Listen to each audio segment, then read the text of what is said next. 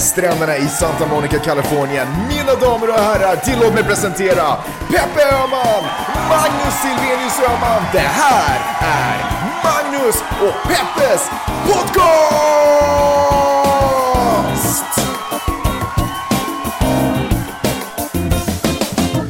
Hallå internet och hjärtligt välkomna ska ni verkligen känna er denna fantastiska dag. Kanske det är tisdag där ni befinner er, kanske det är måndag. Oavsett så är jag glad att era öron är med oss. Igår när vi satt i bilen så... Vår nya bil, kan man säga det? Ja, det kan man säga. Skönt. Så regnade det och jag kom på mig själv med att ropa så här Titta barn, titta barn, det regnar! Fast du gjorde ju inte det. Ja, Men jag sa faktiskt Gjorde det. du det? Ja. Jag var så irriterad för att Vidde bara tittade på sin iPad. Jag var så att, men kolla ut genom fönstret på det här väderfenomenet.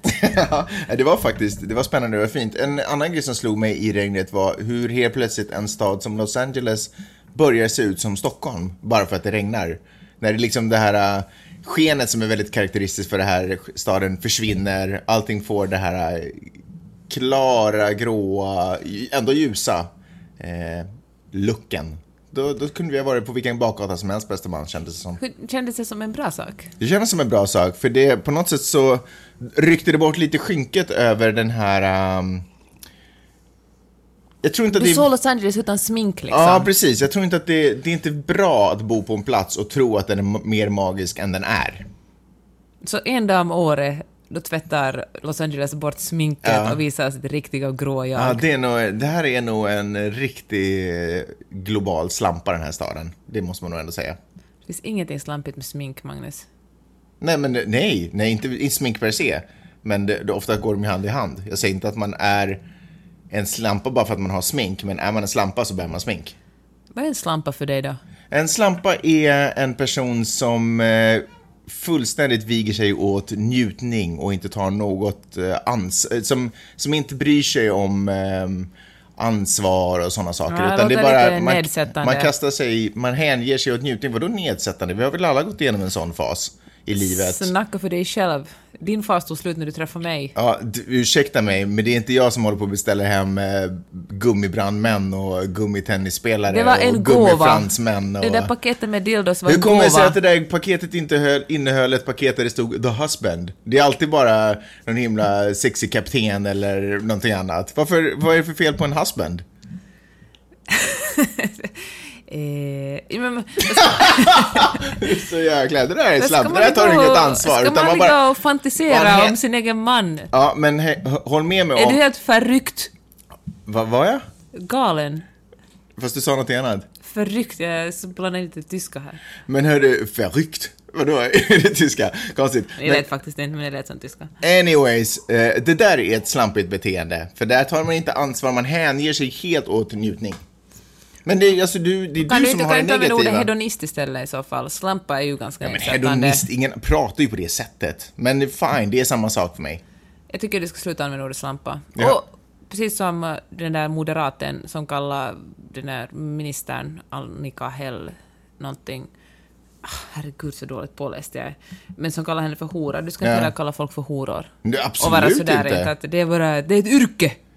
Det är världens äldsta yrke. Nej, absolut inte. Om man pratar om det yrket, då pratar man om prostitution. Men eh, nej, nej, nej, såklart inte. Eller sexarbetare. Eller sexarbetare, om det är det yrket man pratar om så att säga.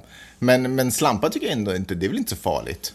Menar, att kalla någon slampa, det är ju nedsättande. Men det känns nog som att det kan ju både killar och tjejer vara, det är ju inte nödvändigtvis... Nej, kallar man en kille för slampa Jag tycker så det är det låter lite... lite gulligt. Ja, men då, precis, för du är kille. Du tycker att, ja, det visar bara att jag... För det finns fortfarande en sån uppfattning om att det är lite mer okej för, att, för är män väl- att ligga runt än för kvinnor. Men det finns väl inte en människa på jorden som säger slamp, använder ordet slampa till en kvinna i syfte att såra den personen. Men det är väl självklart att det Men finns då säger man väl grövre saker som till exempel det där H-ordet. hora. Ja. Men jag tror absolut man använder ordet slampa för att trycka ner kvinnor. Ja, jag tycker inte att det är så farligt i alla fall. Bra! Förresten, det var någon som skrev på min, eh, en fråga på min blogg som jag ska fråga dig, som sa att hon har en killkompis som delar in kvinnor i horor och madonnor. Ja, Han har haft ett... alltså Bob Dylan har hon som kollega eller? Vilket, förresten, vad jobbigt för Svenska Akademin nu att han inte kommer att ta emot priset. Allt, allting är bara bullshit nu.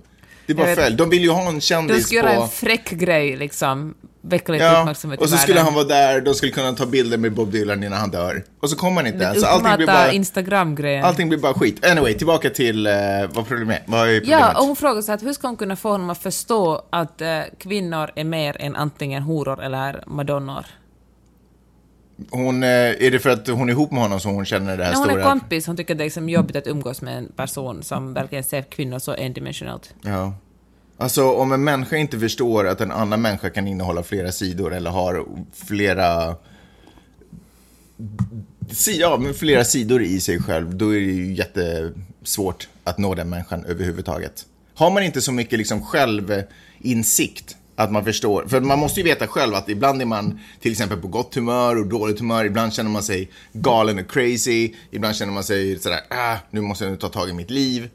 Om man inte, om man inte liksom har sett de sidorna av sig själv och inte kan projicera det på andra människor, eller inte förstår att andra människor också Men det måste handla om en kvinnosyn, att man ser liksom kvinnor som en, någon slags homogen grupp där liksom alla är på antingen horor eller madonnor. Jag tänker så här.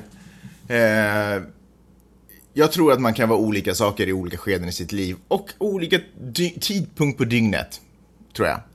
Det jag tycker är synd när det kommer till den här killens eh, möjligheter att eventuellt då träffa sin Madonna i framtiden och eventuellt gifta sig med henne är ju att han har dömt en massa människor för eh, att vara en, för att vara slampor eller för att vara någon annan, nej, vänta, hora och madonna, eller vad är det man säger? Ja.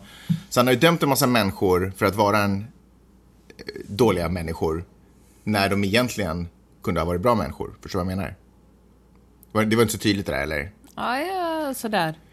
Eh, det jag tror jag försöker säga är att vi har alla allting inom oss. Men om jag dömer dig för att vara en eh, idiot så finns det ju en risk att jag går miste om en väldigt bra människa där inne. Eh, liksom, Och du menar det du säger när du tittar på mig? ja. såg du hur djupt jag såg det i Ja. ögonen? Nej, men jag tycker att det, det är ju tragiskt. Det är ju sorgligt. Jag var inte tydlig, du fattar inte alls vad jag sa där eller? Visst fattar jag. Ja, bra. Bara för att jag inte bekräftar dig efter varje mening betyder inte att jag behöver den här bekräftelsen för mitt självförtroende är inte vad det har varit. Hör du, ska vi dra igång den här podden genom att presentera oss? Okej! Hej, jag heter Peppe Öhman och det här är min sidekick Magnus Silvenius Öhman. Varje vecka gör vi en podcast som heter Magnus och Peppes podcast. Hjärtligt välkomna.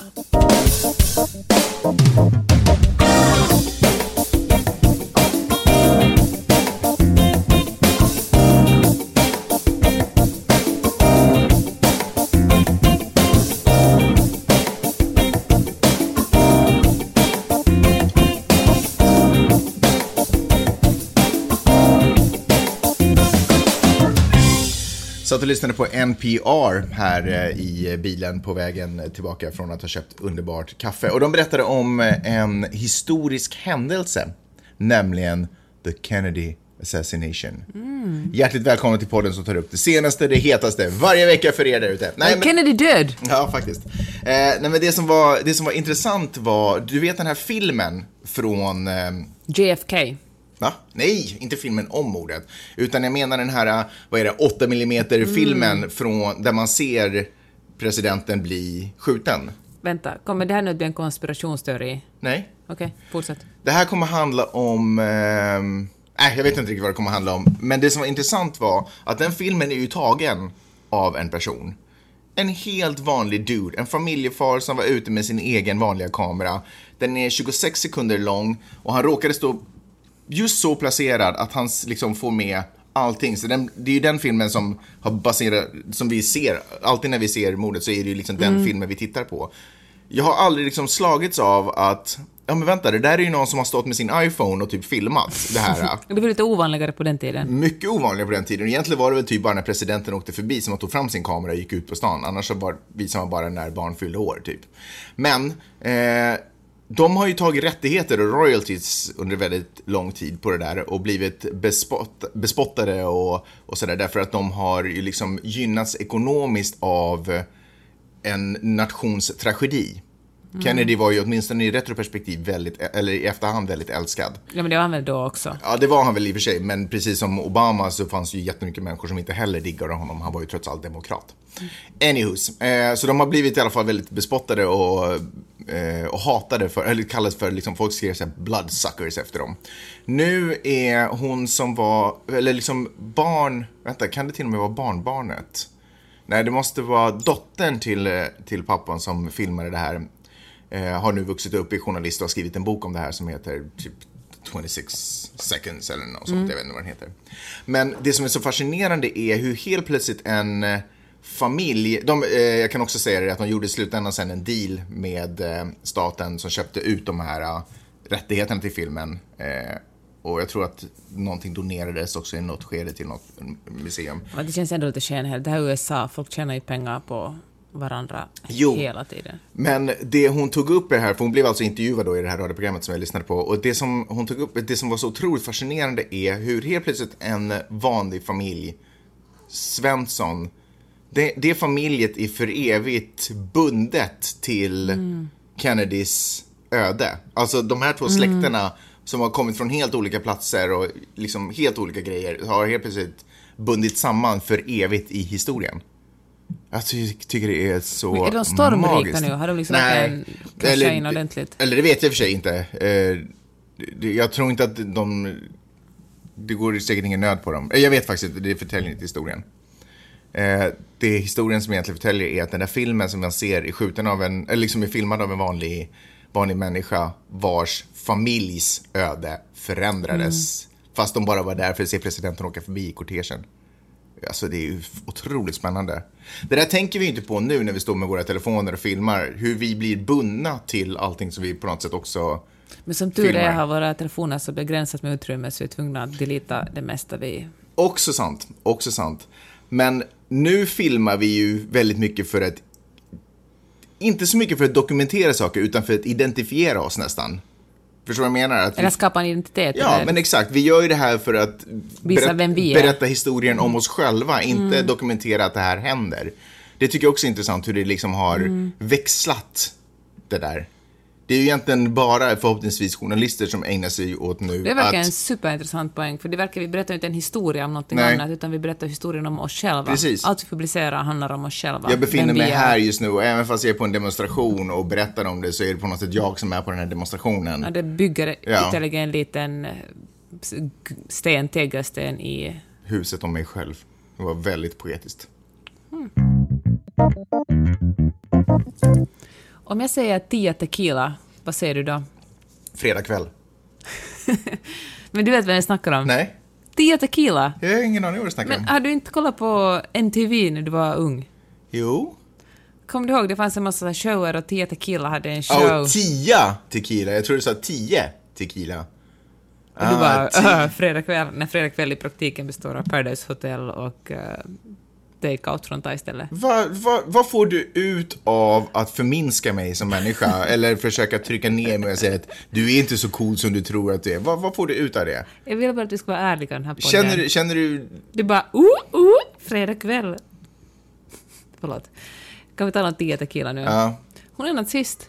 ja jag vet. Visste du det? Ja, Det har tydligen varit en demonstration i, i, i Washington DC där eh, så här, eh, extremhögern har demonstrerat och varit sådär att nu är det dags att nu är det dags för de vita männen att ta tillbaka USA. mm, make America white again. Precis. Och, eh, och det finns det liksom tydligen bilder från, från den här demonstrationen på bland annat Twitter där hon gör en Sig Heil-hälsning med några, med vita snubbar. Ja, det... Jag kan inte säga att jag är så besviken på henne, för jag har liksom inte haft en relation med henne, men jag är besviken på alla som gör en Mm. Sig Heil-hälsning. Hon eh, var ju väldigt ung när hon gjorde den där grejen på eh, MTV. Så det med att hon har mognat nu? Nej, men jag bara menar, hur gammal är hon nu? Ja, men man skulle ju hoppas på att hon har mognat. För då, då var det så här, ja ah, men shit, fan vad de utnyttjar en ung flicka. Mm. Du vet, jag tänker liksom produktion, att man drar in en människa som uppenbarligen...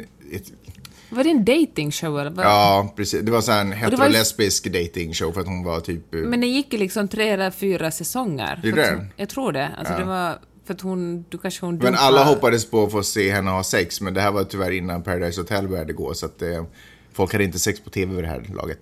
Anyways, ja men det är ju super, det är ju supertragiskt, vad kan man säga? Men tänk jag att- hade inga, ja. Men tänk att folk 2016 på riktigt gör Sieg Heil-hälsningar Mm. och demonstrerar. Och det är liksom 250 personer, så det är liksom inte tiotusentals, men att människor verkligen Åtminstone inte sitter... Jag menar, jag Men det fattar, okej, blivit- det finns nazister som sitter i sina källare och liksom youtubar konspirationsteorier om att, eh, om att förintelsen aldrig skedde, men liksom folk går... Eller spelar in dem.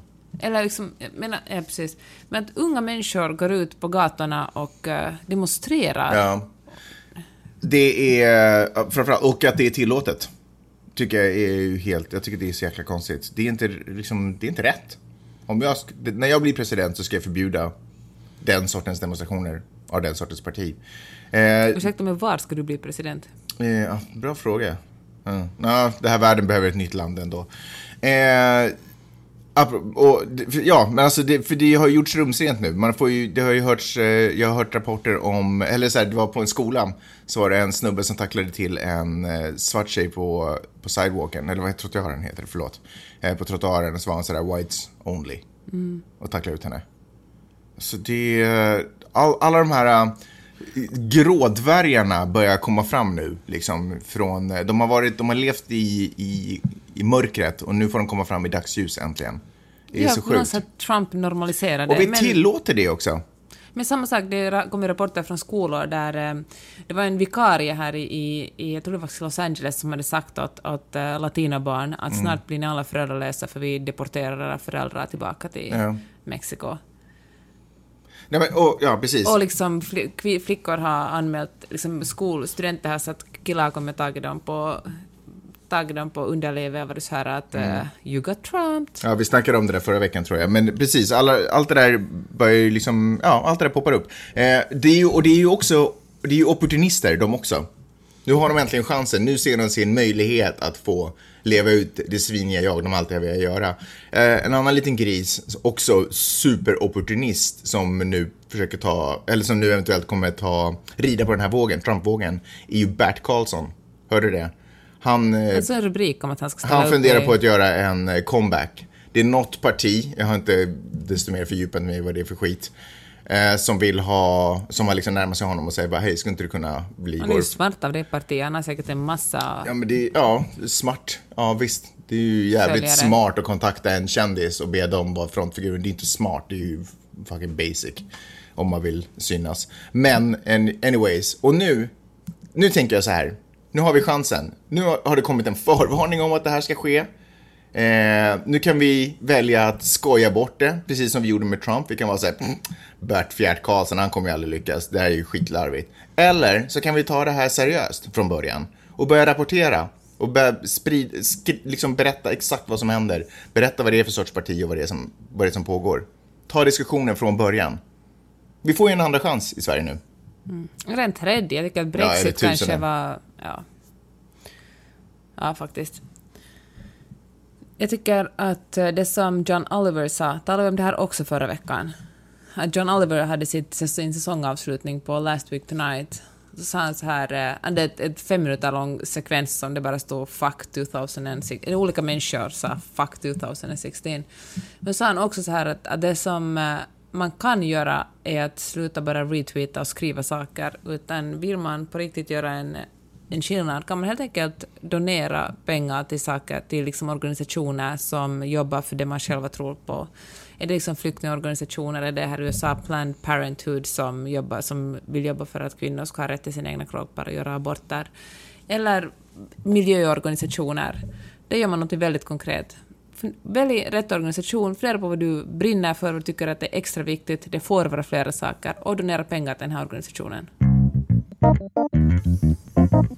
Thanksgiving is in the his house. På torsdag och, eh, inte kanske på fredag också, men på torsdag så är det Thanksgiving här i USA. Men på fredag är det Black Friday, då ska man ju shoppa supermycket. Då kommer liksom den riktiga amerikanska traditionen fram. Just det, och på måndag så var det någonting annat som också gjorde att man fick köpa billiga saker. Jag kommer inte ihåg vad det hette.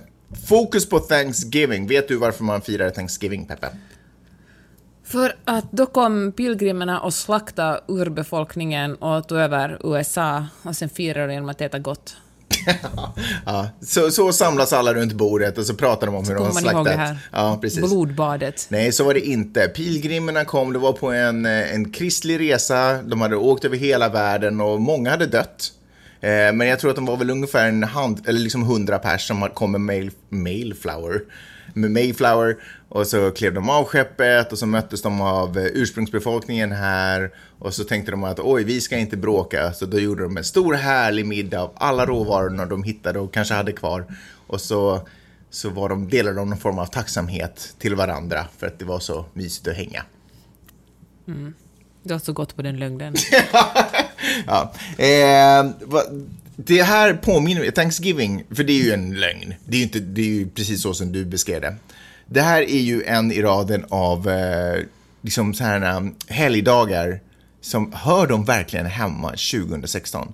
Är det, är det, är det bra att bibehålla traditioner som i och för sig för samma familj och, och sådana saker, men som någonstans ändå är baserade på en lögn? När ska man riva upp dem och göra om dem? Liksom? Nu, tycker jag. Man kan ju hitta på en annan... Samtidigt så är det ju en ledig dag. Men kan man inte göra om den till en annan? Välja nästföljande torsdag och sen säga att det här är kärlekens torsdag som vi firar ihop med familjen och tittar på amerikansk fotboll. Inte okej? Mm. Ja, Istället absolut. för att eh, fira liksom... eh, Samtidigt så kan man ju se att det har liksom börjat skapats andra moderna helgdagar, till exempel här i USA. Till i- exempel Fars dag. Nej, men Super Bowl är ju nästan någon form av, du vet, alla samlas, vänner, man lagar mat och så går man och så sätter man man på när unga män får skallskador. Jo, jo, nej, men, men det är ju på något sätt någon form av kommersialismens version av, eh, av en helgdag som på något sätt har skapats. Eh, Så jag tycker inte riktigt att trenden, de här som vi skapar, som är nya, är inte heller liksom... Är vi kapabla att skapa helgdagar liksom där? Men alltså det finns ju någonting fint i att ha, ha en, en helg som heter Thanksgiving eller tacksägelsehelgen, där man funderar på kolla så bra vi har det. Kolla, vi har det bättre än de här, så vi kanske vill... Det är ju ganska vanligt att folk donerar mat till härbärgen och liksom att man... Just då. Ja. No, men, men i alla fall, okej att det är skenheligt att göra det en gång om året, men att åtminstone påminns man om hur bra man har det. Eller det är väl egentligen själva tanken med den här helgen. Så det är ju egentligen en ganska fin helg. Det är ju synd att den baserar sig på ett blodbad. Julen. Behöver vi verkligen den julafton? Du vill skopa... Du vill... Du vill. det finner inga ord. Nej men seriöst, det, vad är det ju baserat på? Vad är det baserat på ens? Jesu födelse. Nej, så har vi Okej, liksom fan, konstruerat det. gång, men... Så har det liksom konstruerat, allting, alla de här helgdagarna är ju liksom baserade på lögner. Varför ska vi hålla på med det, sånt? Kan, vi inte, kan man inte liksom vara, lägga korten på bordet och bara hej, vad sägs om att vi i familjen hänger nästa söndag? Och så har vi mysigt tillsammans. Varför måste vi de här, behö, varför behöver vi de här... äh, Alltså jag fattar inte den här traditionsgrejen, jag fattar inte det här. traditioner. Vad, vad är det som är så fint med traditioner? Nu kommer jag att låta som en eh, äcklig Sverigedemokrat. Men alltså, svenska Den definierar vår traditioner... kultur. Ja, Nej, men jag tänker att det är liksom en... eh, Det finns någon slags trygghet i, i traditioner. Man liksom stannar upp kanske i sitt vanliga vardagliga liv och funderar. Tanken är väl att man ska fundera över, eh, över vem man är och, och var man bor och, och vem man tycker om och vem man vill tillbringa de här helgerna med. Sen kanske folk gör det lite fel och tillbringar de här helgerna med folk de inte alls tycker om, men det kanske är en annan sak. Mm. Aha! Och då tänker jag vända på myntet. Gör det så mycket då, det här med Thanksgiving, att det bara liksom hittar på att det egentligen var slakt och alltihopa, om vi nu har vänt det till något positivt?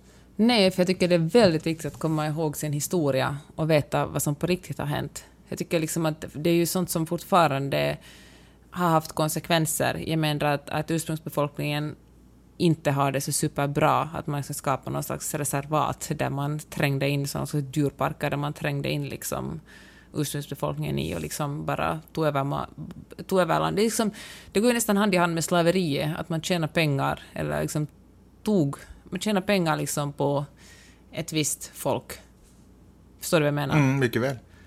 Man tog deras mark och slaktade deras eh, bisonoxar på samma sätt som man tog folk och använde dem som slavar här och byggde sin ekonomi på det. Jag menar, det är ju högst relevant idag att förstå sin historia. Hör du, eh, du har argumenterat på Facebook i veckan igen. Ja. Och, eh, Nej, har jag? Jag vet att vi skojar mycket om din intelligens i den här podcasten, men eh, ibland får du ju till det. Så nedsättande, så jäkla nedsättande. Ja, fortsätt. Och eh, nu, tar, nu kommer jag inte ihåg vad det här ämnet var du, du argumenterade Ja, det var någonting Nej, med jag liksom- skrev att jag hade fått en ny t-shirt och jag ville att den här t-shirten skulle påminna om eh, 2016. Precis som Jamie, James Oliver. Det går Eh, inte, Magnus. precis som James Oliver Eller John Oliver. John Oliver proklamerade att det var 2016 var ett skitår, så ville jag också Jag ha en brukar ju t-shirt. ofta skoja om din... Nej, jag skojar. Så jag eh, köpte, eller jag beställde en t-shirt som heter I'm with her. Boom. Och så började någon tala om eh, Trump på, i, ditt, i kommentarsfältet efter att la ut den här bilden på Facebook. Ja, okej. Så någon ställde sig frågan, okej, eh, mainstream media har... Någon ställde en retorisk fråga. Eller någon skrev någonting och slutade den meningen med ett frågetecken. Och det den skrev var, ah, mainstream media har i två år försökt få alla att älska Hillary, ändå vann Trump? Frågetecken. Lite kryptiskt och sådär. Ja. Och eh, så ifrågasatte du det här och så la den här personen ut bara en länk. Mm. Och då skrev du, tycker jag, bra. Kanske, kanske jag skulle läsa upp det som du skrev. Okej. För att citera dig, Magnus, i den här Oh shit, historiskt ögonblick. podcasten. Men jag tycker ibland får du till Kanske det. det här kan bli en helgdag i framtiden. Eh, så här skrev det. Jag tog bort din YT-länk. Vad betyder det? YouTube. Förlåt. Snyggt, Peppe. Jag tog bort din YouTube-länk för jag pallar inte att du kommunicerar via länkar. Som om jag ska sitta och titta igenom Michael Moores föreläsning och försöka gissa mig till det citat han sa som du eventuellt höll med honom om. Det funkar inte.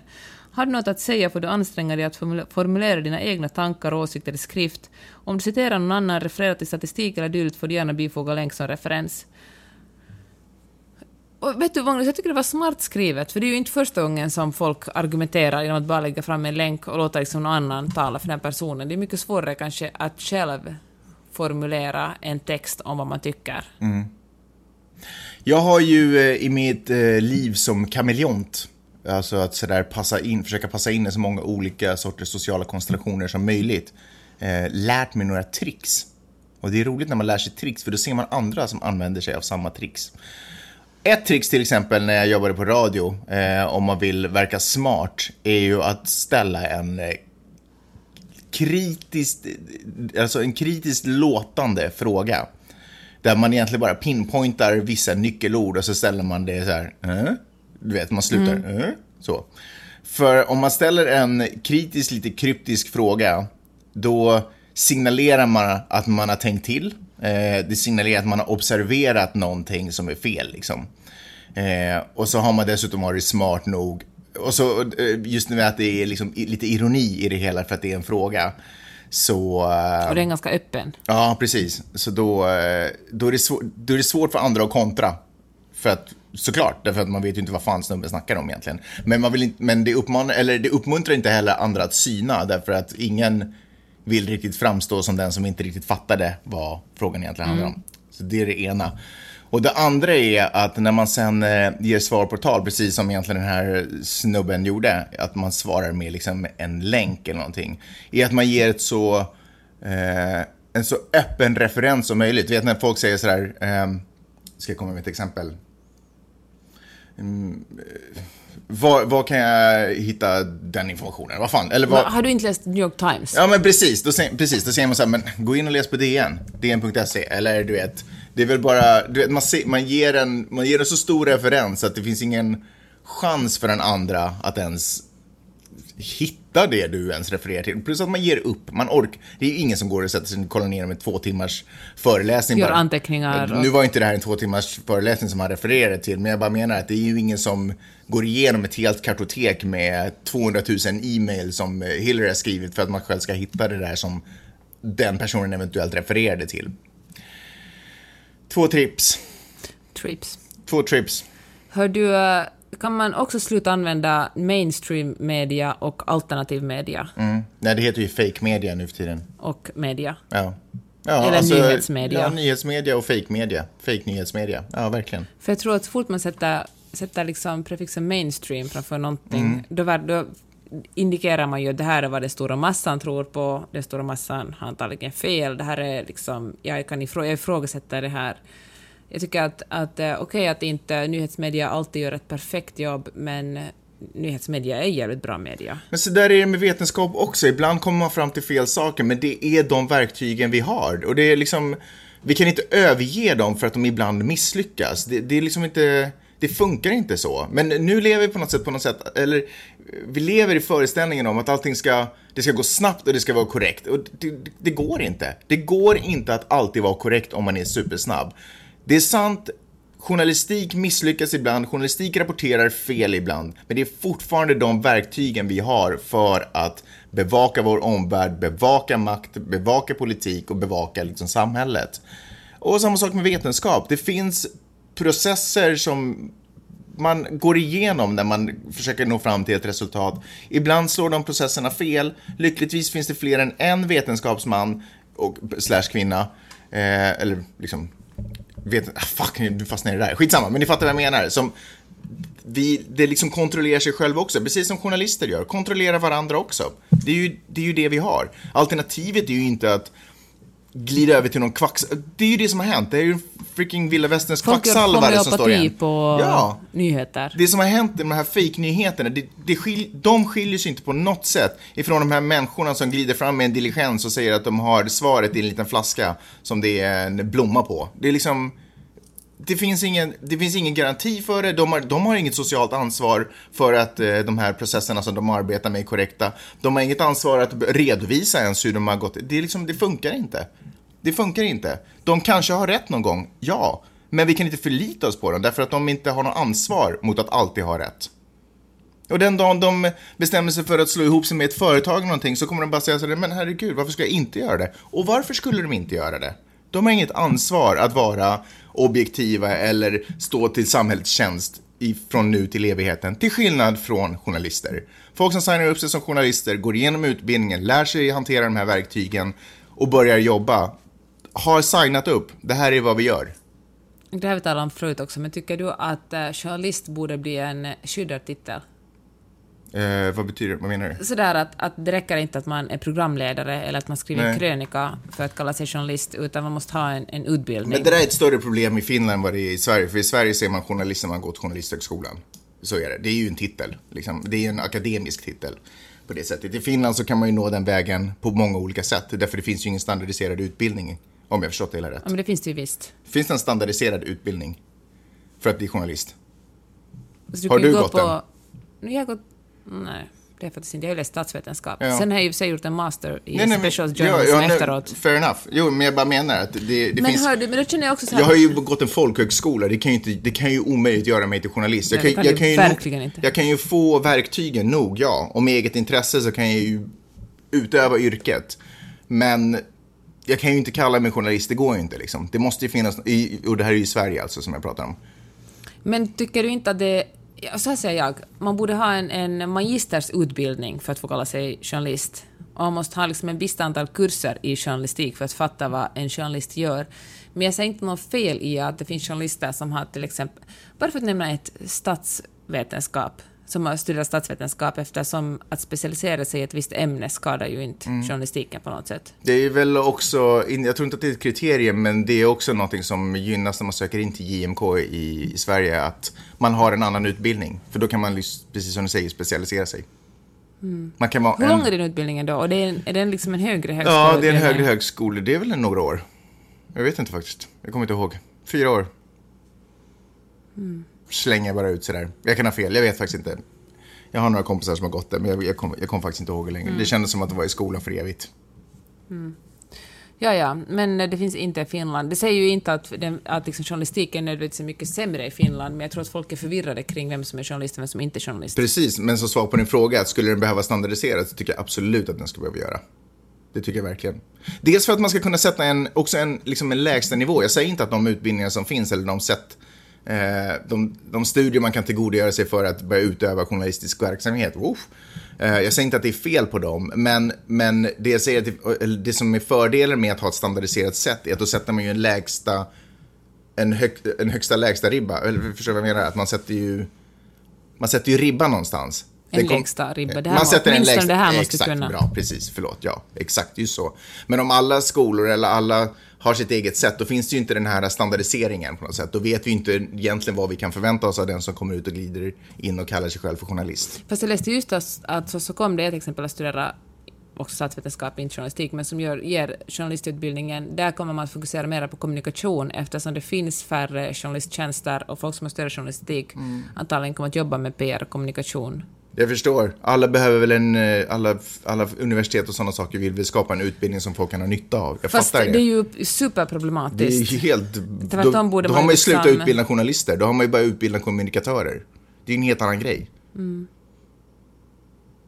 Usch. Sen kan man vara kommunikatör och bli en bra journalist, men jag tror alla fattar vid det här laget. Mm. Men jag tycker inte att det funkar att glida in på en nyhetsredaktion, vilken som helst, från var som helst och sen helt plötsligt börja kalla sig journalist bara för att man jobbar på en nyhetsredaktion. Jag säger inte att man inte ska få jobba på en nyhetsredaktion, men fortfarande kvalitetsstämpeln. För vi behöver journalister, det är bara, det är, bara är så. Är, man kan tycka vad man vill om dem, men återigen, de kan ha fel ibland, men vi behöver dem fortfarande. Man kan inte dumpa dem för det. Eller vi kan inte dumpa den verksamheten, för då är vi verkligen i skiten. För vem ska göra det annars? Sen är det ju bara upp till vanliga människors eget initiativ. Och man kan säga vad man vill, men vanliga människor, inklusive mig, vi är inte så smarta. Vi är faktiskt inte så otroligt smarta som vi tror att vi är. Så bara för att vi någon gång lyckas träffa rätt och kommer fram till en jäkla korrekt slutsats, oftast i hindsight om vi ska vara helt ärliga, så betyder det inte att vi, alltså, man behöver ett bättre track record helt enkelt. Än att bara naila det någon gång. Fan, jag måste säga en grej till med det där, för det är så mycket i livet som jag märkt som, eh, som påminner om hur det är att spela Texas Hold'em eller poker överhuvudtaget. Eh, och just när det kommer till det där att, eh, ja visst, man kan glida in, eh, ha en observerat samhällsfenomen, skriva en artikel om det och träffa rätt, ha rätt. Det kan man absolut göra. Precis som man kan sätta sig vid ett pokerbord, få ha turen och få korten schysst delade till dig så att du helt enkelt bara kommer vinna den handen. Eller om man är en av oändligt många apor framför en skrivmaskin mm. så kanske man kan skriva en... Jag ska bara. Men om du har fått verktygen att, som, som lär dig att systematiskt arbeta fram till nyheter eller lär dig att se nyheter och, och jobba med nyheterna. Eh, precis på samma sätt som om du har, fått, du har fått verktygen att använda dig av matematiken och använda dig av statistiken när du ska spela poker så kommer du ha mycket större chanser att, allt, att vinna fler händer och att, allt, att oftare liksom få rätt. Så det är bara vad jag tycker är stora skillnaden. Ja, vad skulle du säga? Jag tänkte om något helt annat. Jaha, vadå? Jag talar om den där moderata politikern som kallar ministern i Sverige, Annika Strandhäll, för hora. Jaha. Och så var det några andra som höhö i bakgrunden och nu är alla mm. sådär att men herregud, var det en man som kallar en kvinna för hora? Usch! Och det är ju usch, men jag tycker att det visar hur... Eh, alltså det är ju, det är ju liksom inget nytt män kallar ju kvinnor horor hela tiden och om man går tillbaka till början av den här podcasten. Nej men fast vänta nu, är det för att, oh, det var väl ingen som sa va, är det en man det var det var det väl inte, det var ju att, åh oh, nej, är det en politiker som kallar den, alltså. Ja, för en politiker är ju också det. Jo, jo, men, fast det, men det, tycker, det, är väl ändå chockande. Det är chockerande med det, det måste man väl ändå säga. Är det verkligen det? Det, det är inte det är chockerande att han var dum nog att det kom på band. Nej, det är väl chockerande att, att, att vi har politiker. Jag tycker att politiker ska ju vara förebilder för samhället. Och det är väl chockerande att, att vi har kommit så, att vi alltså, har sjunkit ju... så djupt så vi röstar fram människor, avarter av människor till de positionerna. Det är ju vidrigt, men jag vet inte om det är så chockerande eller överraskande, för det, det här språket, ja, det men det här får man ju på, liksom, får ju folk kalla varandra på Twitter varje dag, eller liksom, det är ju sådana det är sånt som folk hör varje dag. Folk som är också journalister, politiker och, och med kvinnor, så det får man ju hela tiden mail där man, förklarar, man är liksom en hora, en slampa, mm. man ska volta, så det ena och det andra. Det enda unika här var liksom att den här politikern blev, blev, eh, in, blev inspelad och, och, och människor fick höra det, att han verkligen sa det. Men det där är ju fan sjukt i huvudet. För det vi gör idag är ju tydligen att vi röstar fram folk som är som oss själva. Och det, så ska det ju inte vara. Vi ska ju rösta fram folk som är bättre än oss. Folk som ska vara förebilder, folk som ska vara våra ledare, som kan ta oss till en ny, som kan guida oss att, till en ny nivå. Men jag tror att folk, liksom, om man är riktigt konspiratorisk, tänk om det här är en strategi. Tänk liksom, Trump vann valet, igen, förlåt jag helt en återkommentar, men genom att säga vidriga saker. Han kallar ja. liksom kvinnor för grisar och djur och, och det ena och det andra. Och uh, tänk om det här är en moderat strategi. Liksom. Det finns säkert en massa män som sitter och tycker att det var ja, alldeles jag... rätt av den här politikern. Ja, det tror jag. Men jag tror inte att det är en strategi. Och, och, att han liksom vågar säga det. Nej, jag tror inte att det är en strategi. Jag tror återigen att det här är, över, det här, det är den vanliga människans övertro på sin egen kompetens och sitt eget huvud. Så att vi tror att vi är, vi är kapabla själva att vara ledare. Därför känner vi inte skillnaden på att rösta fram en människa som kan vara en ledare och en människa som är precis som oss. Vi har ju tappat helt kollen. Och det här tycker jag också är ett problem när så här, eh, musiker eller andra människor som kämpar för att bli kända, vare sig de är YouTube-fenomen eller Instagram-fenomen. Sen när de är på den här kändispositionen och liksom Eh, alla blickar är mot dem, då går de ut och säger så här, men jag vill inte vara någon förebild, jag vill bara vara, fuck you. Du har kämpat för att no, komma till den positionen där allas blickar är på dig. Du är en fucking förebild, du ska föregå med gott exempel. Och glida runt och bete sig som ett svin, då missbrukar, alltså den, den, in, den påverkar, äh, eh, hmm. den inverkan man har på alla de här vanliga idioterna som du och jag som sitter ner och tittar upp mot de här människorna är ju enorm. Och om man står på den positionen och inte fattar det, då är man ju liksom... Det är ju bara, det är så äckligt så det är inte sant liksom. Men tänk, du säger ju själv just att Bert Karlsson har blivit ja. utmanad att ställa upp. Det är ju liksom för att han är en, en rasist. En kontroversiell person. Mm. En rasist, eller jag vill inte han är en opportunist, nej, jag vill inte jag säga, säga. Liksom, jag vill inte säga kontroversiell person, för det tycker jag är för snällt. Nej, men han är en alltså, opportunist. Ja. Op men uh, han har inte en track record av att vara så trevlig mot kvinnor och, och uh, rasifierade, om vi säger så. Och, uh, men då tänker jag så här, jag tror inte liksom att Moderaterna varit sådär hej vi spelar in ett klipp där du säger hora. Men jag kan tänka mig att de varit sådär att det skadar inte om vi liksom spetsar till liksom, om vi får uh, rubrikutrymme eller om vi spetsar till liksom vår kommunikation inom i det offentliga. Jag menar liksom, vi kommer inte att förlora röster på det utan vi kommer liksom med den i, den, I det samhälle vi lever i just nu så finns det folk som tycker att det är mm. modigt. Mm. Han säger bara det som vi går omkring ja, och tänker exakt. Ja, men på så sätt ja. ja. Det är helt klart. Ja, det håller jag med om. Och då tänker jag på alla de här, det gäller, liksom, gäller inte heller bara Moderaterna, utan, eller bara politiker eller artister eller kända människor, utan vem som helst. Alla som äh, inte vågar säga till när någon kallar en kvinna för hora eller slampa eller äh, använder n-ordet, fan då vi alla är medskyldiga. Ja. Då är man fan lika Helt illa klart. själv. Alla som står och bara och liksom, vi skojar ju bara, det här är liksom bara locker room talk. Fuck you! Ni är liksom precis likadana svin. Ni är bara fegare svin, för ni vågar inte säga det högt. Ni bara, liksom, ni bara skrattar och, och bekräftar ett sånt här beteende. Man måste alltid säga emot. Helsingfors stadsstyrelse har godkänt Guggenheim museiplanerna. Hur känner du inför det? jag kunde inte bry mig mindre. Men det är väl synd att man lägger pengar på sånt. Vänta, var det någonting annat som hände i veckan som jag också kände att gud vad jag inte kan bry mig om det här? Ja, men skitsamma, ja, berätta. Ja, nej, men jag känner heller ingenting, jag är helt tom inombords. Ja. Det är hemskt, man borde ju tycka någonting ja, men det är väl bra att det satsas på kultur. Jag tycker att kultur finns det alldeles för lite av i samhället och tider som det här så är det kulturen vi kan vända oss till när det handlar om att beskriva om världen och få män inspirera människor och sådana saker. För uppenbarligen så kan ju inte våra ledare göra det.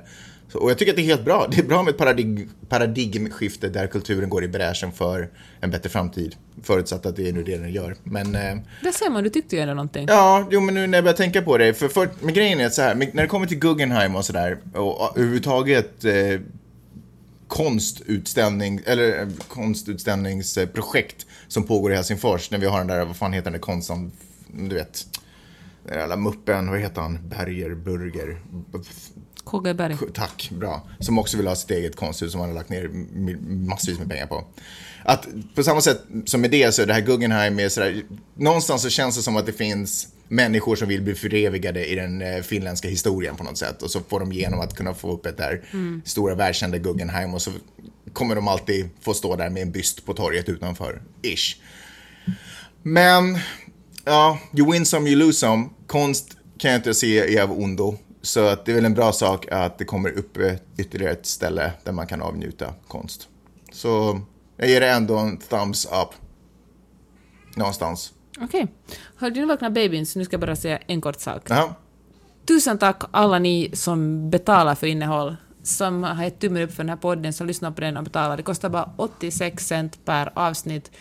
Och man vill kan betala för flera avsnitt på en gång. Det är inte så mycket pengar. Men är det för mycket pengar om ni till exempel är studerande eller hemlösa eller eh, bo kvar hos era föräldrar och känner att ni inte har 86 cent per avsnitt, då är det fine. Lyssna på det här bara, då är det gratis för er.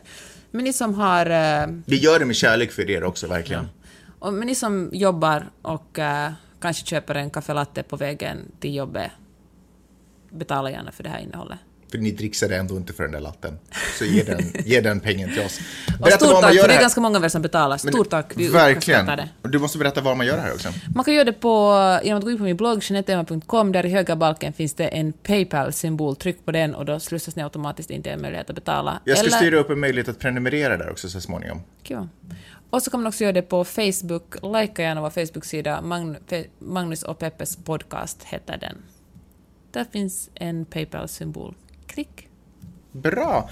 Tack så hemskt mycket för att ni har lyssnat den här veckan. Glöm inte att ni också kan skicka mail till oss om ni har någonting ni vill säga och uttrycka eller du vet, vad fan som helst. Eller kommentera på min blogg eller våra Instagram. Men jag skulle säga mailadressen nu här. Magnus och podcast gmail.com. Vi hörs nästa vecka! Va? Inte har vi väl en pod- inte har vi väl en Gmail-adress? Jo, det har vi. Sen när då? Sen eh, jag nyss sa den. Jaha. Kan du skicka in mail där själv om du vill, Peppe. Hörni, vi älskar er. Hej då! Hej! hej! Thank you.